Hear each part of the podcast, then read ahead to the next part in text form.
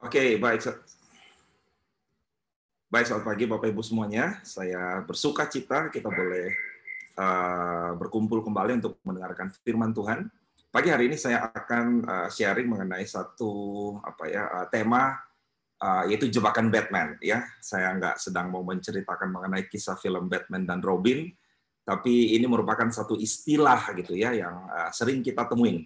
Ini saya lihat di sini uh, saudara-saudara kita juga dari Malaysia, uh, jebakan Batman itu bukan apa ya, bukan uh, menceritakan mengenai kisah Batman dan Robin, tapi itu cuma merupakan suatu istilah. Baik, saudara, saya akan mulai dengan uh, sebuah kisah yang diambil dari dalam kitab Satu Raja-Raja, pasal yang ke-11, ayat yang kelima dan ayat yang keenam. Hari ini saya akan membahas mengenai kitab Satu Raja-Raja pasalnya yang ke-11, tapi saya akan mengawali dan memulai dari ayat yang kelima dan ayatnya yang keenam. Demikian firman Tuhan dikatakan demikianlah Salomo mengikuti Asitoret, dewi orang Sidon dan mengikuti Milkom, dewa kejijikan sembai sembahan orang Amon. Dan Salomo melakukan apa yang jahat di mata Tuhan dan ia tidak dengan sepenuh hati mengikuti Tuhan. Seperti apa saudara? Daud ayahnya. Bapak Ibu yang dikasih Tuhan, kalau kita baca di dalam kitab uh, di dalam Alkitab, maka kita akan mendapati Saudara bahwa uh, apa ya uh, Salomo itu merupakan satu pribadi yang luar biasa ya. Dia telah menerima berkat-berkat yang besar dari Tuhan. Bahkan kalau kita lihat sejarah juga mencatat dia menjadi raja paling bijaksana di sepanjang sejarah. Kalau kita berkata sebelum engkau tidak ada dan setelah engkau nggak ada orang yang memiliki hikmat seperti engkau. Jadi kita lihat uh, apa ya uh, Salomo itu diberkati dengan uh, hikmat, dengan berkat, dengan banyak hal yang besar, saudara. Ya, bahkan kalau kita lihat di dalam Alkitab juga dikatakan bahwa bangsa Israel itu mencapai kemakmuran yang belum pernah terjadi sebelumnya dan itu mengalami perkembangan yang luar biasa selama masa pemerintahan Raja Salomo. Jadi kalau kita lihat di sini, Salomo itu uh, singkat cerita kalau hari ini kita bisa bilang dia orang yang sangat diberkati. Bahkan kalau mungkin uh, bisa dibilang dia adalah orang atau raja atau pribadi yang paling kaya pada saat itu, saudara. Ya, nah tapi kalau kita baca, maka kita akan mendapati bahwa justru, saudara, berkat-berkat yang sama, saudara, yang kemudian membuat Salomo itu menjauh dan menyimpang daripada Tuhan, khususnya di akhir-akhir daripada hidupnya. So pertanyaan saya adalah uh, apa yang dialami oleh oleh Salomo, apakah itu berkat atau itu jerat? Nah, Bapak Ibu yang dikasih Tuhan, hari-hari ini kita semua kita hidup, saya percaya Bapak Ibu adalah orang yang diberkati Tuhan. Saya percaya hari ini kita ada itu karena ada banyak uh, kepercayaan yang Tuhan kasih ke kita. Hari ini kita ada karena Tuhan memberikan kita uh, apa ya uh, berkat, kepercayaan, anugerah, ya bahkan mungkin kekayaan atau apa pun yang hari ini Tuhan berikan dan percayakan kepada kita. Nah, tapi sering kali Saudara, sering kali kita itu menjadi orang yang kemudian terjebak di dalam apa yang menjadi uh, berkat-berkat daripada Tuhan, Saudara, ya. Nah, itulah kenapa tema saya hari ini adalah jebakan Batman, ya Nah, kalau saudara kita baca di dalam Alkitab, di dalam uh, suatu ketika di uh, di Gibeon, kalau nggak salah, Tuhan menampakkan diri kepada Salomo ya di dalam uh, uh, uh, di malam hari pada suatu saat ya. Nah, dan pada waktu itu kita semua kenal di dalam satu Raja-Raja pasal yang ketiga, Salomo berdoa untuk hikmatnya. Kita akan lihat ini adalah kesimpulan dari satu Raja-Raja tiga ayat yang kelima, kemudian sembilan sampai ayatnya yang ke-13 ya. Nah, uh, dikatakan di sini bahwa mintalah apa yang akan kuberikan kepadamu. Saudara, uh, Alkitab mencatat Tuhan memberikan satu pertanyaan yang yang luar biasa, yang saya pikir itu nggak uh, jarang diberikan kepada banyak orang, bahkan mungkin uh, uh, sangat sedikit sekali.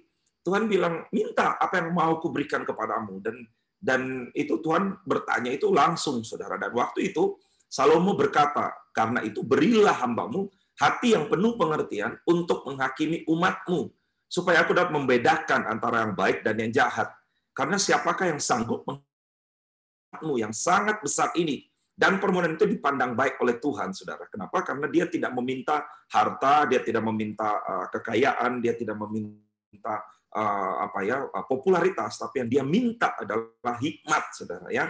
Nah, kemudian dikatakan maka Tuhan berfirman kepadanya, karena engkau telah meminta hal ini dan tidak meminta umur panjang atau kekayaan atau nyawa musuhmu bagi dirimu sendiri, melainkan meminta pengertian untuk memutuskan secara adil. Lihatlah, aku telah mengabulkannya sesuai dengan permintaanmu.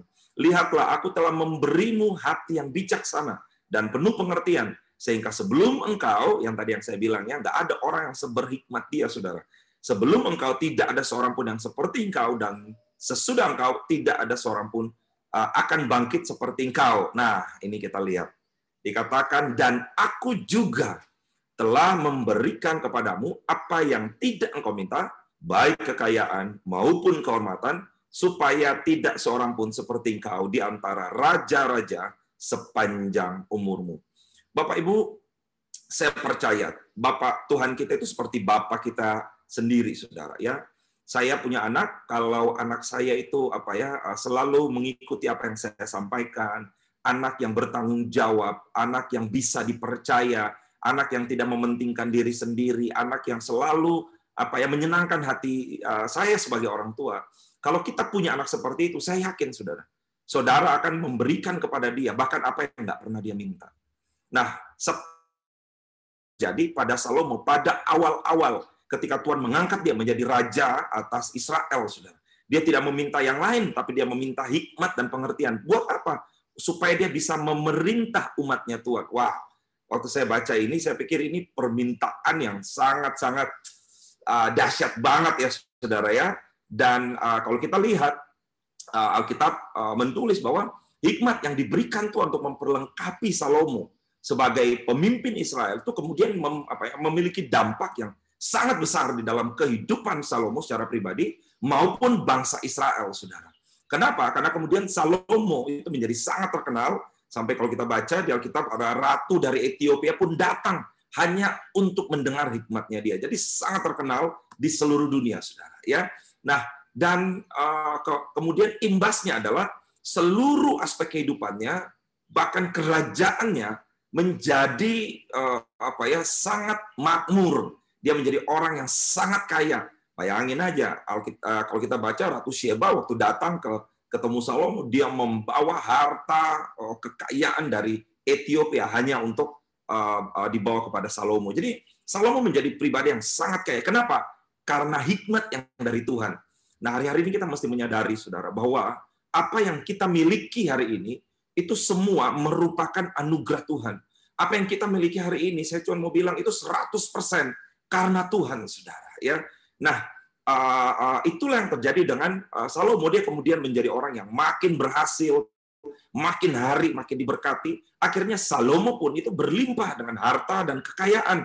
Tahta kekuasaan, harta itu ada di dalam genggamannya dia, saudara. Nah, di sinilah apa saudara tantangannya.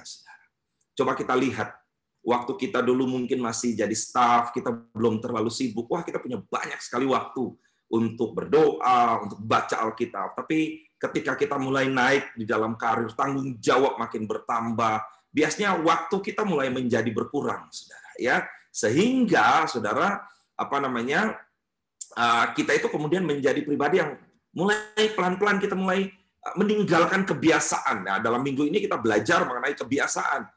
Ya kemarin di uh, di Gading Serpong saya share bahwa kebiasaan apa ketika kita berhenti melakukan kebiasaan yang lama maka pada saat itulah kita sedang memulai kebiasaan yang baru. Nah, jadi biasanya orang itu kalau sudah mulai sibuk, ya dia mulai apa ya kebiasaannya untuk tidak cari Tuhan itu kemudian menjadi kebiasaan barunya dia. Ya, kurang lebih begitulah, saudara.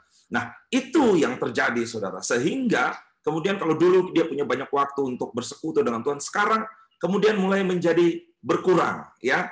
Nah, kalau uh, apa namanya seorang yang memiliki usaha dan mungkin usaha saudara uh, makin hari makin diberkati ya, biasanya saudara kita itu mulai kemudian apa ya uh, kurang waktu saudara ya. Kita mulai menjadi orang yang sibuk, mulai melupakan Tuhan. Itu yang sering terjadi. Ya, seperti yang saya bilang, justru saudara di sinilah tantangannya saudara. Ya dan uh, kalau saya lihat itulah yang terjadi dengan Raja Salomo. Ketika kekayaan dan kejayaan itu kemudian membuat dia mengalihkan pandangannya dari melihat hal-hal yang bersifat rohani dari melihat Tuhan dari mengandalkan Tuhan. Kemudian mulai beralih kepada hal-hal yang duniawi ya. Dan kalau kita baca di Alkitab ya dikatakan bahwa dan Raja Salomo di ayat yang pertama mulai mencintai banyak perusahaan apa eh, perempuan asing di samping anak Firaun ia mencintai perempuan-perempuan Moab, Amon, Edom, Sidon dan Het. Saudara, di sinilah awal kejatuhan daripada Raja Salomo. Ya, Salomo tahu sejak awal Tuhan udah bilang, jangan engkau bergaul, jangan engkau menikah dengan orang-orang yang berasal dari tempat itu.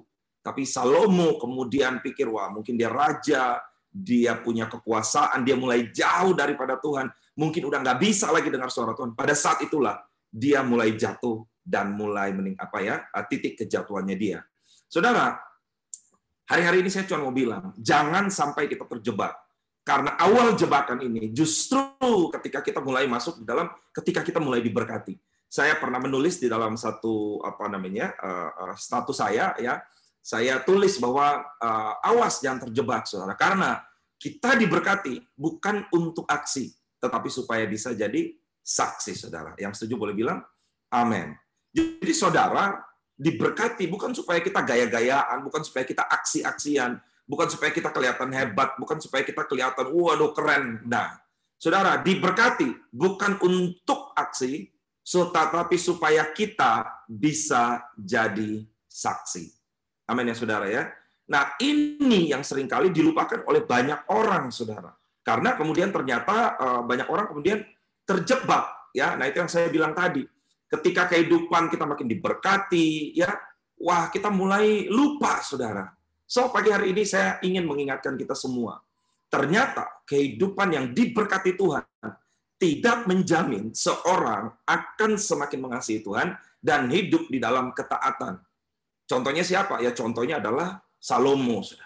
Dan saya berdoa supaya kita di tempat ini, kita boleh belajar dari Salomo dan kita tidak terjebak di dalam apa yang menjadi titik lemah atau titik kejatuhan daripada yang namanya Salomo. Nah, saudara, ternyata kehidupan diberkati itu bukan jaminan, betul ya?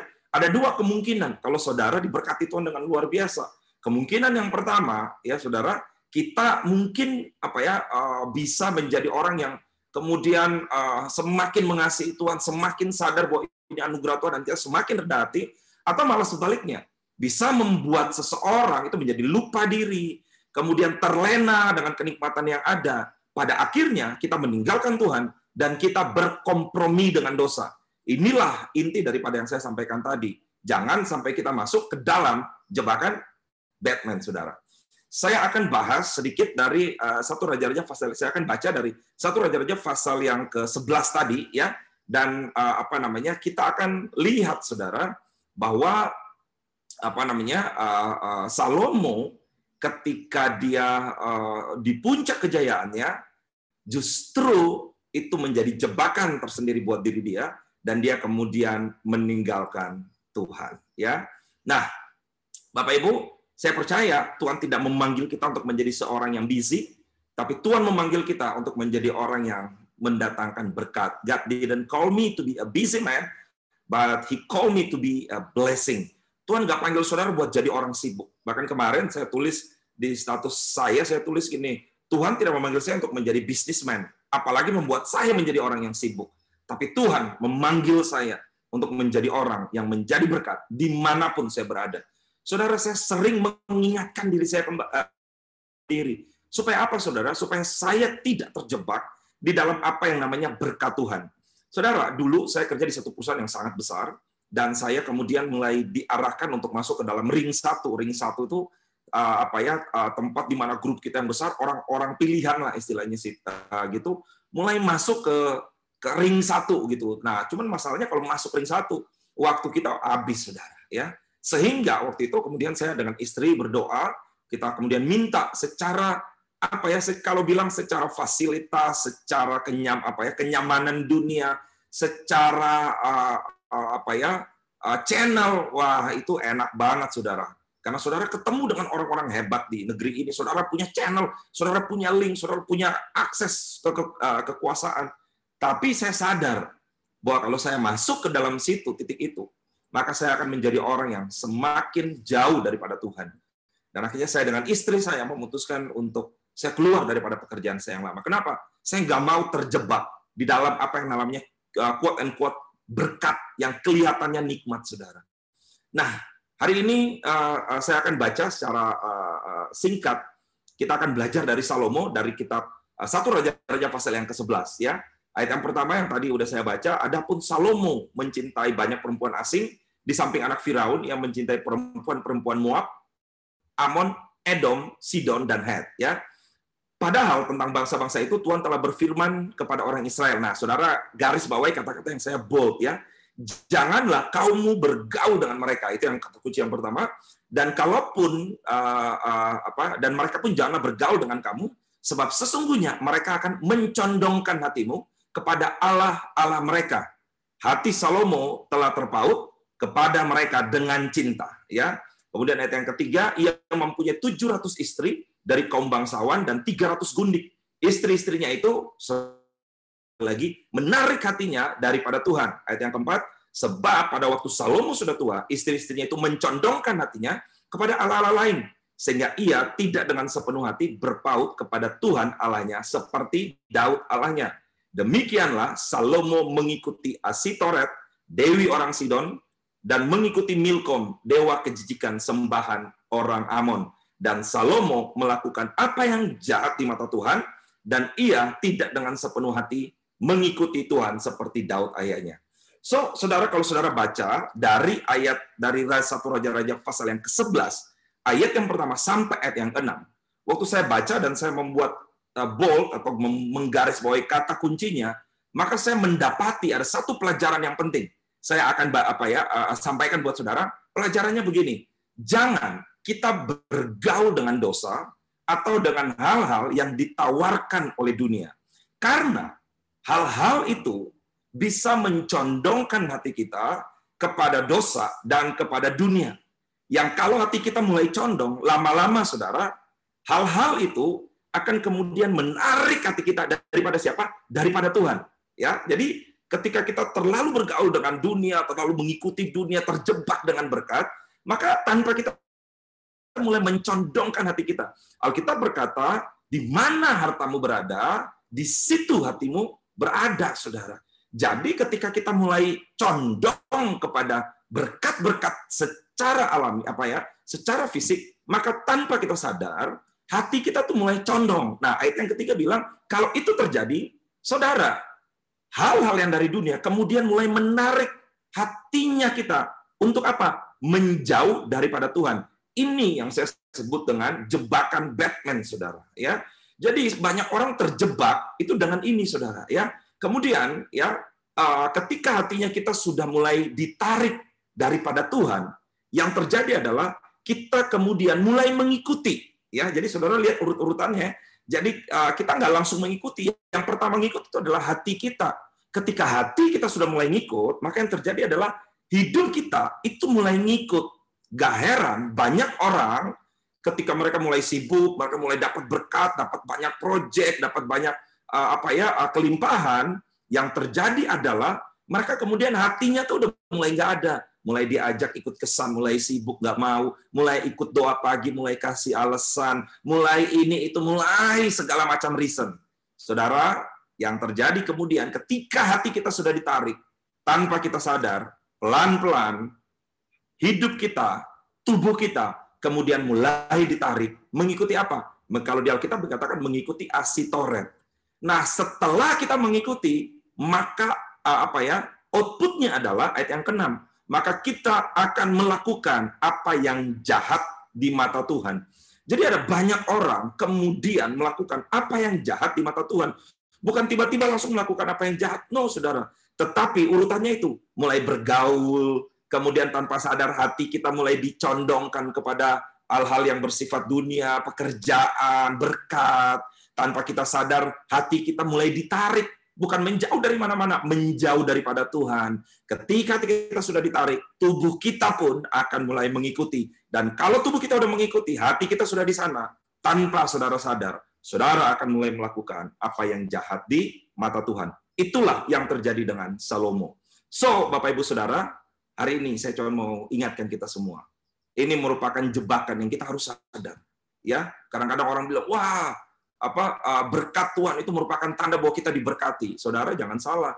Bukan berarti orang yang hari ini secara fisik, secara material mungkin nggak ada, bukan berarti mereka nggak diberkati Tuhan. Jangan salah. Jangan pernah mengukur kehidupan seorang dari berkat yang bisa kita lihat secara jasmani, saudara. So, pagi hari ini saya akan tutup dengan peringatan agar kita tidak masuk ke dalam jebakan Batman. Ya, yang pertama, saudara, yang pertama, jangan bermain-main, apalagi bergaul dengan dosa. Ya, Jangan main-main. Saya pernah bahas beberapa waktu lalu, jangan main-main dengan ketidakkudusan. Jangan bermain-main dengan dosa apa ya seksual. Jangan bermain-main dengan yang namanya uh, apa namanya uh, uh, pornografi. Jangan, saudara. Ya. Yang pertama, jangan main-main, apalagi bergaul dengan dosa. Ini saya yang apa yang saya tebalin itu tadi yang ada di ayat yang tadi ya, saudara. Kemudian itu akan membuat hati kita terpaut kepada dosa itu sendiri. Nah, semakin lama dosa itu akan mencondongkan hati kita kepada dunia, bukan lagi kepada Tuhan. Dan kalau kita tidak segera berbalik, maka ia akan menarik kita semakin jauh daripada Tuhan. Setelah itu apa yang terjadi, saudara? Kalau hati kita sudah mulai ditarik, maka tubuh kita akan mulai mengikuti dunia ya dan dosa dan kita kemudian secara fisik meninggalkan Tuhan. Dan pada saat itu terjadi, kita akan melakukan apa yang jahat di mata Tuhan. So, kesimpulan pagi hari ini, saudara. Ada empat kesimpulan. Kesimpulan yang pertama, mari Bapak Ibu, apa yang dimulai dari roh, jangan kita akhiri dengan daging.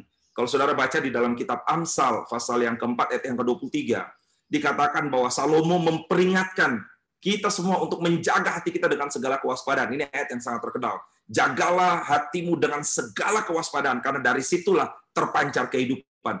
Tetapi satu Raja-Raja pasal yang ke-11 ayat yang keempat yang tadi kita baca, justru ya apa yang dikatakan oleh Salomo, jagalah hatinya justru di masa-masa waktu dia mulai apa ya uh, uh, uh, uh, tua di akhir-akhir hidupnya, justru hatinya dia condongkan kepada Allah-Allah lain dan tidak sepenuh hati mengikuti Tuhan. Ya, yang kedua, saudara, jangan bermain-main, apalagi bergaul dengan dosa.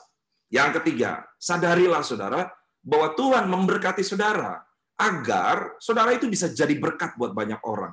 Saya selalu bilang, di dalam setiap berkat yang saya terima, di dalam situ ada bagian orang-orang yang susah. Di dalam situ ada bagian orang-orang yang yang miskin. Di dalam situ ada bagian untuk kita kembalikan kepada Tuhan dengan cara apa? Dengan cara memberkati. Perpuluhan itu bagian yang lain. Itu nggak boleh diganggu gugat. Tetapi di luar persepuluhan, di dalam situ ada bagian untuk kita memberkati orang lain. Jadi jangan kita sampai lupa dan terlena. Dan yang keempat, jangan tergoda dengan kilaunya dunia. Tetap ikutilah Tuhan Yesus. Ya, kemarin uh, salah satu teman saya uh, uh, apa namanya ngobrol dengan saya begini, saudara sering kali kita itu apa ya ketika kita diberkati kita sibuk sekali dan ketika kita sibuk sekali kita kemudian mengejar itu saudara ya Bapak Ibu saya mau kasih tahu, jangan terjebak dengan jebakan Batman. Karena kenapa? Apa yang sedang Tuhan siapkan buat saudara jauh lebih besar, jauh lebih dahsyat, jauh lebih mulia, jauh lebih spektakuler dibandingkan bahkan dengan apa yang hari ini sudah saudara miliki. Jadi mari kita sadari kembali kepada Tuhan, sadarilah bahwa berkat Tuhan bukan untuk membuat kita kejar. Saya selalu bilang kepada diri saya dan banyak anak-anak kesan saya, Jangan habiskan waktu dan energi kita untuk mengejar apa yang fana. Jangan mengejar waktu energi kita untuk mengejar sesuatu yang sementara. Saya berdoa biar saudara boleh belajar sesuatu di pagi hari ini dan kita boleh menjadi pribadi yang semakin bertumbuh, semakin mengasihi Tuhan, semakin hidup berkenan di hadapan Tuhan. Besok kita akan belajar dari Pastor Tommy Simanjuntak dengan satu tema yaitu ilegal. Wah, apanya yang ilegal? Saudara harus datang besok.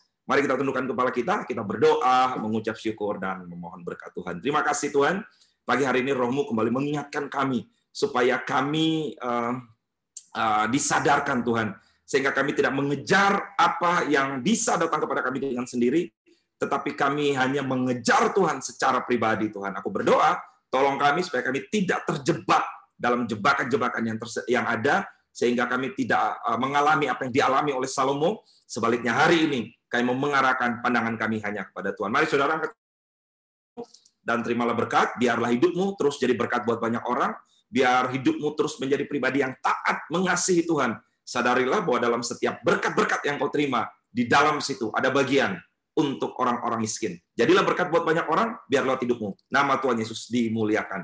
Dalam nama Yesus yang sudah terima berkat Tuhan pagi hari ini, sama-sama katakan. Amin. Tuhan Yesus memberkati saudara.